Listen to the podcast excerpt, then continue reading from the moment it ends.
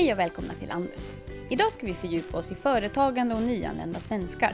Sett till antalet sysselsatta på den svenska arbetsmarknaden så är det välbelagt att individer födda utomlands driver företag i högre utsträckning än de som är födda i Sverige. Det här är enligt en rapport som organisationen Företagarna gjort. Många som kommer till Sverige har varit företagare i sina hemländer, men utan att de kanske kallat sig just företagare eller entreprenörer. Och idag ska vi fokusera på hur vi kan ta tillvara på det här entreprenörskapet bland de nya svenskar som kommit till våra landsbygder. Så landet åkte till Falun, för i Dalarna arbetar företagarna med projektet Nyanlänt företagande för att hitta människor som migrerat till Sverige och Dalarna från andra länder och som är eller vill bli entreprenörer. Hör Sorab Fadai, projektledare för Nyanländ företagare, Maria Dahlström, handledare inom projektet, Margot Chatta Ahlström Bosan och Sara Al-Haddad Mardini deltar i projektet. Hör dem berätta om sina företagsdrömmar. Och Penikan Jumon Kone, som själv invandrat och nu driver företag, ger sina bästa tips. Om jag är nyanländ och vill starta ett företag eh, i ett nytt land på en svensk landsbygd så här, vad ska jag tänka på? Nej, men jag tror att det är viktigt att eh, dels hitta sitt nätverk med andra företagare för att ta del av deras erfarenheter. Och också få kontakt med det. Vi har ju så mycket främjande system i Sverige. Att söka sig till de här, det lokala som finns. För det finns väldigt mycket hjälp att få. För mig jag tycker så att kommer man från ett annat land till Sverige till exempel. Oavsett hur duktig man är man, man ska inte vara för bråttom. Man ska ta tid och lära svenska. Lära känna svenskarna, hur de fungerar, hur är reglerna.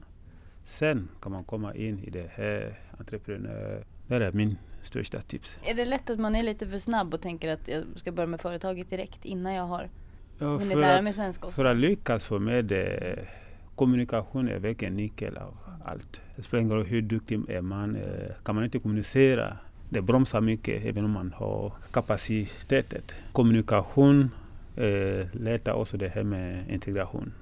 Utan kommunikation kan man inte komma in i samhället. Mm. Så jag rekommenderar, kommer man hit då ska man ta lite tid Mm. och läsa svenska.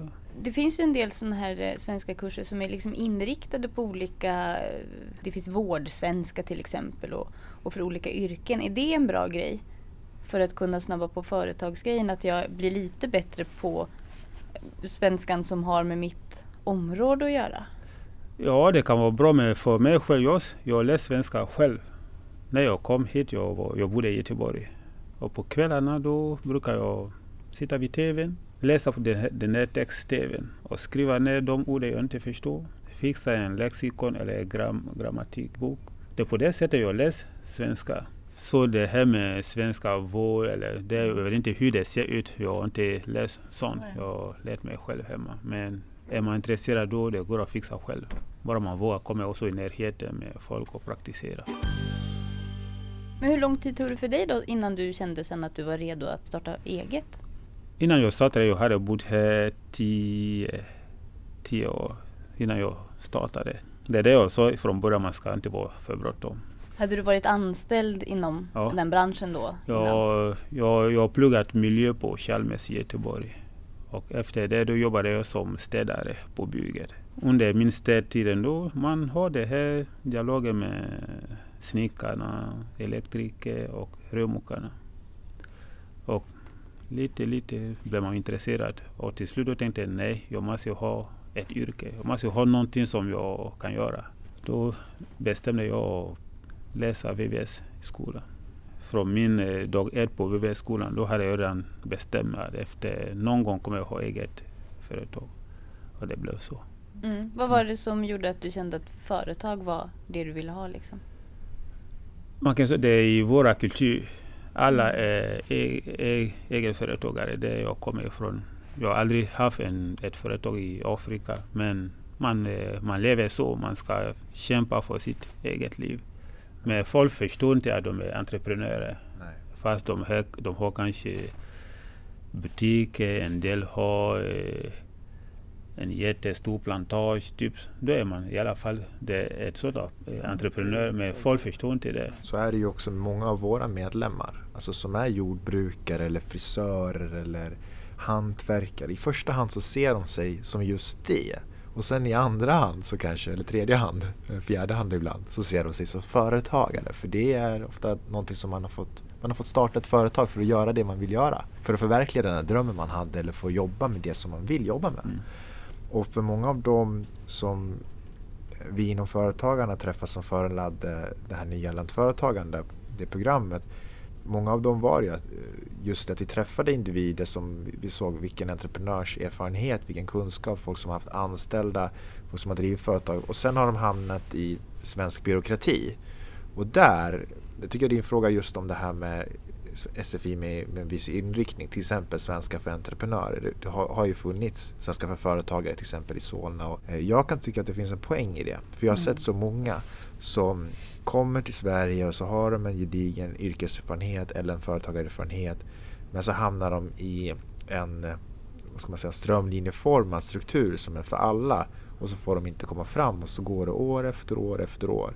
Du berättar ju hur du eh, lärde dig själv. Mm. Och det tror jag det kommer av, att, av ett intresse. Och, och om man får läsa svenska kopplat till ett intresseområde jag tror jag det blir roligare också att lära sig och då kanske man mm. ägnar mer tid åt det och, och ja, se till att man har svenskar runt omkring sig hela tiden. Då kommer man mm. snabbare in i språket och kommer man snabbare in i samhället. Mm.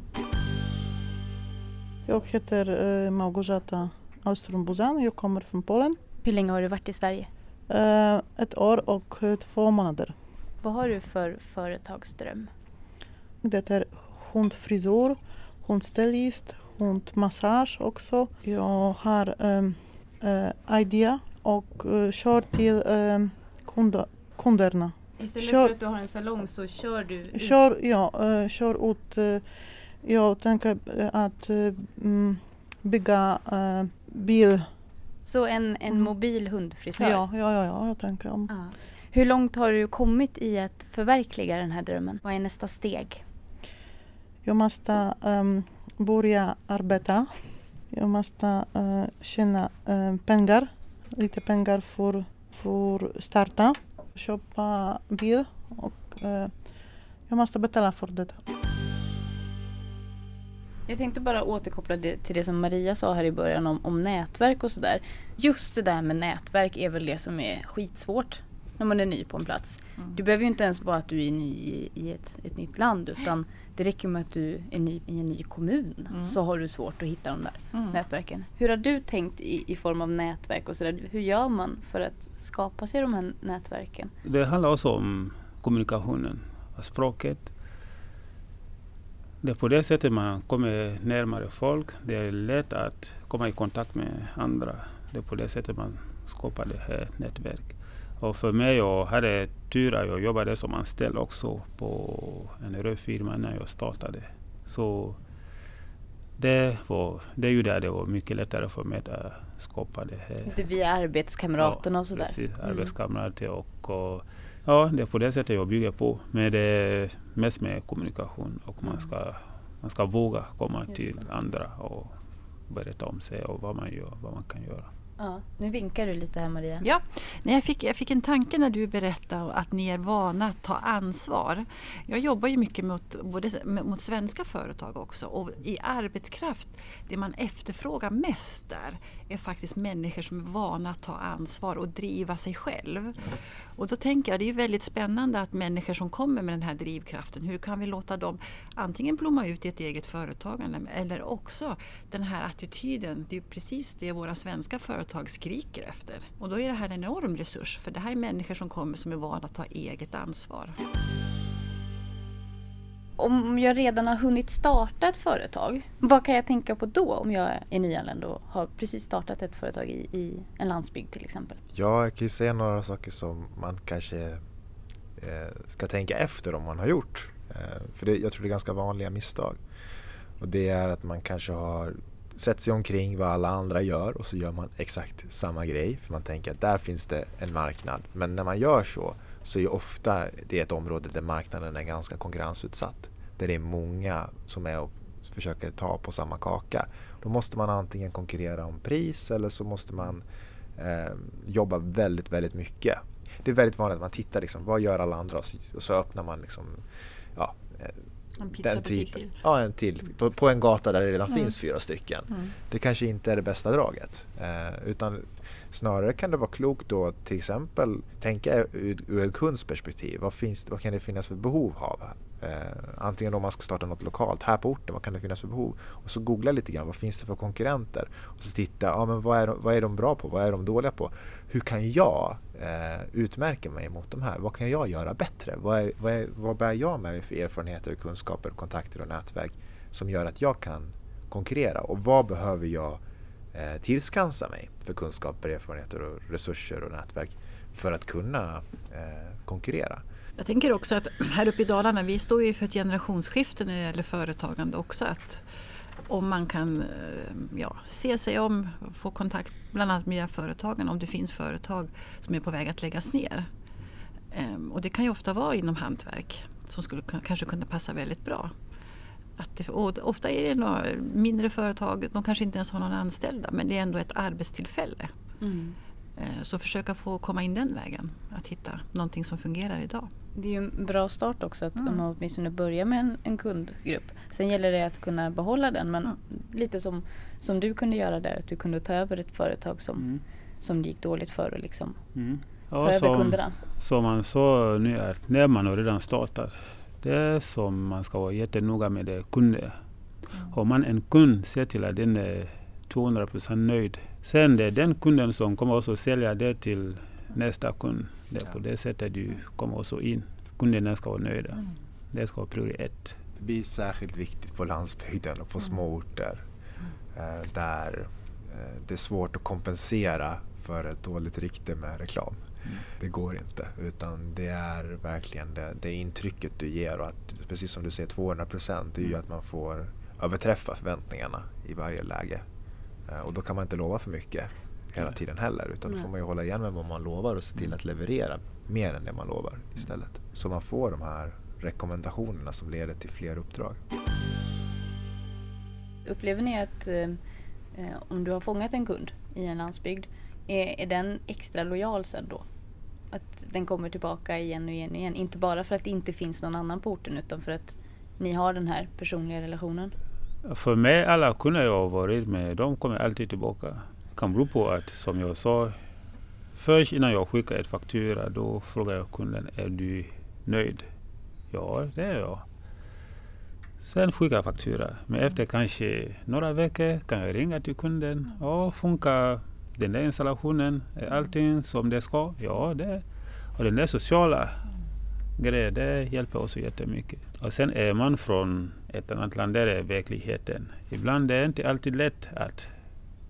Det är inte många svenskar som är så lätta att bara ringa till Akune, kan du komma och hjälpa mig? Men när man väl får den chansen, då ska man verkligen köra 100 procent. Och då ska man kunna konkurrera med det här som du sa med priserna. Vi säger att vi har, jag har en röd firma här som kör på 500 kronor per timme. Då kanske jag kan titta, oh, du ser priserna på den firman och på mig. Vad kan jag göra för att du ska ringa till mig istället för eh, Larsson som har sin rörfirma. Då måste också göra någonting med priset eftersom det är många som tänker först, och vad kostar att göra det här? Det är också en jätteviktig grej. Men utan att behöva gå så lågt. Ja, man ska- man, man måste ju överleva också. Ja, man ska inte gå för lågt men man gör såna beräkningar. Hur mycket kan jag gå ner för att göra i alla fall en vinst? Ja, Jag tror att det är viktigt att inte prisa ut sig själv. För man måste också tänka på framtiden. I, I den mån man kan konkurrera med andra medel, med att ge kunden en starkare upplevelse eller på något sätt eh, leverera eh, mer, mervärde till kunden. Det, då är ju det bättre för då, då drabbar inte det dina marginaler och dina möjligheter att utveckla företaget. Eh, Jag heter Sara, kommer från Syrien. Hur länge har du varit i Sverige? Ehm, Två år och två månader. Vad har du för företagsdröm? Eh, Det är eh, familjeprojekt, vi kan säga. Eh, Jag tänker om eh, restaurang, men inte bara restaurang. Det är plats för eh, barn får leka där. Det är including inte fast food, more, eh, it's more like homemade food. Of course it's orient food. Men det ska vara eh, lite mer än en restaurang. Jo, det ska vara som en mötesplats eller? Eh, Det måste it's um, first it will be in uh, Ifalun because it's it needs something like this, and it's more for uh, children, uh, and not just only place for children play because we have some places for children play, but also it's for pa- parent, parents. Och vad är nästa steg för att uppfylla den här drömmen? Uh, I think uh, the place, the correct place. Vi kanske har touchat lite på det här men eh, konkret, vilka är de viktigaste framgångsfaktorerna för att lyckas som entreprenör eh, i ett nytt land och i landsbygd? Jag tror att eh, vi har varit inne på det här med nätverk och kontakter. Det är, det är A och O för att kunna tillskansa sig resurser. Och ett bra sätt att skapa nätverk och kontakter det är ju att eh, ta sig in i olika sammanhang. Föreningssammanhang, företagarfrukostar, dyk upp, prata med människor. Bara bryt den där barriären. Eh, det kan vara lite tufft och svårt men eh, bli vän med så många som möjligt. Det är bra.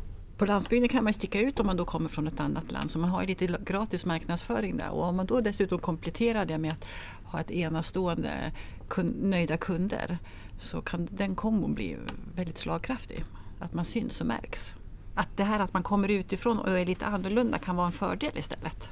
Ja, jag ser som andra, men det jag kan lägga på det, det här med ja, vara social och lära språket. Jag tycker man ska vara stolt. För att det är lätt att, att, att inte vara stolt och känna sig, ah, men nu har jag kommit hit och nu ska jag ta, konkurrera med andra företag här. Nej, alltså när du kommer hit, startar ett nytt företag så bidrar du till att alla får det bättre. Man ska komma ihåg, vi tar ett län som Dalarnas Mm. eh, historia och tradition. För 250 år sedan, då var det många härifrån som lämnade det här landet och sökte sig ut på rangliga båtar över Atlanten för drömmen om en bättre framtid. Eh, det var företagsamma människor som sökte sig härifrån. Och idag så är det ofta företagsamma människor som söker sig hit. Så vi har en historia av, av rörelse och migration och, och framförallt arbets, arbetsmigration och, och företagsamhet som har byggt det här landet starkt. Och att det nu kommer hit människor som vill bidra till det och utveckla Sverige och skapa fler arbetstillfällen, skapa större skatteunderlag. Är man en del av det tycker jag man ska vara stolt över det. Ska man känna sig, ja, men jag är en av de som bygger Sverige. Du då som har gjort den här resan, finns det någonting som du har, saknat liksom i, under din tid som du tänker att det där hade, hade kunnat vara annorlunda för att underlätta liksom? Ja, jag tycker jag har fått den hjälpen jag behövde faktiskt. För att jag kommer ihåg när jag skulle starta. Jag tror det var som hemma. Att bara köpa en skåpbil och köpa verktyg och sen köp, köra. Men det blev inte så. Jag fick uh, tipsa och kontakta Solveig Eriksson som sitter där. Och det är hon som berättade för mig vad som gäller, vad ska man göra i det här landet om man ska starta. Och jag kommer ihåg hon frågade mig om jag hade en affärsplan. Jaha, vad är det för något då? Så jag, jag fick den hjälpen jag behövde. Kan jag brukar säga utan henne jag tror inte jag skulle sitta här idag. Mm, så en kontakt som, som kan företagande i Sverige riktigt bra som du kan ha som Ja. mentor eller Mm. bollplank liksom. Ja. Jag tänkte att vi ska avsluta med att försöka vara superkonkreta. Jag vill att ni ger mig era två absolut bästa tips för den som är nyanländ och vill starta ett företag i Sverige och på landet. Framförallt inte med ett stadsperspektiv utan i, i en glesbygd eller landsbygd. Ja, jag sitter fast på det och så. Man ska tro på sig. Språket är jätteviktigt. Sen komma i kontakt med andra. Då lyckas man. Alltså en stark drivkraft att våga, att, precis som du säger, att våga tro på sig själv. För det finns många olyckskorpar runt om en som ifrågasätter ett beslut kanske, men våga och tuta och köra ändå. Och ta hjälp, för vi har en kultur i Sverige att vi har ett jättebra rådgivningssystem runt om som bara väntar på att få hjälpa dig. Ett bra tips kan vara att se hur lång, långt ner, hur lågt du kan sänka dina levnadsomkostnader. Och det kan vara smart att göra det för att när du sänker dina levnadsomkostnader så skapar du större frihet att kunna ta lite högre risker. Stort tack för att ni eh, var med i podden Landet och delade med er av alla era kloka tankar och tips och råd. Hoppas att du som lyssnat fått några bra tips och tricks. Det fick i alla fall jag. Jag heter Ida Lindhagen och gör podden Landet åt Landsbygdsnätverket. Följ oss på Instagram eller titta in hos podden på Facebook. Sök på podden Landet så hittar du oss.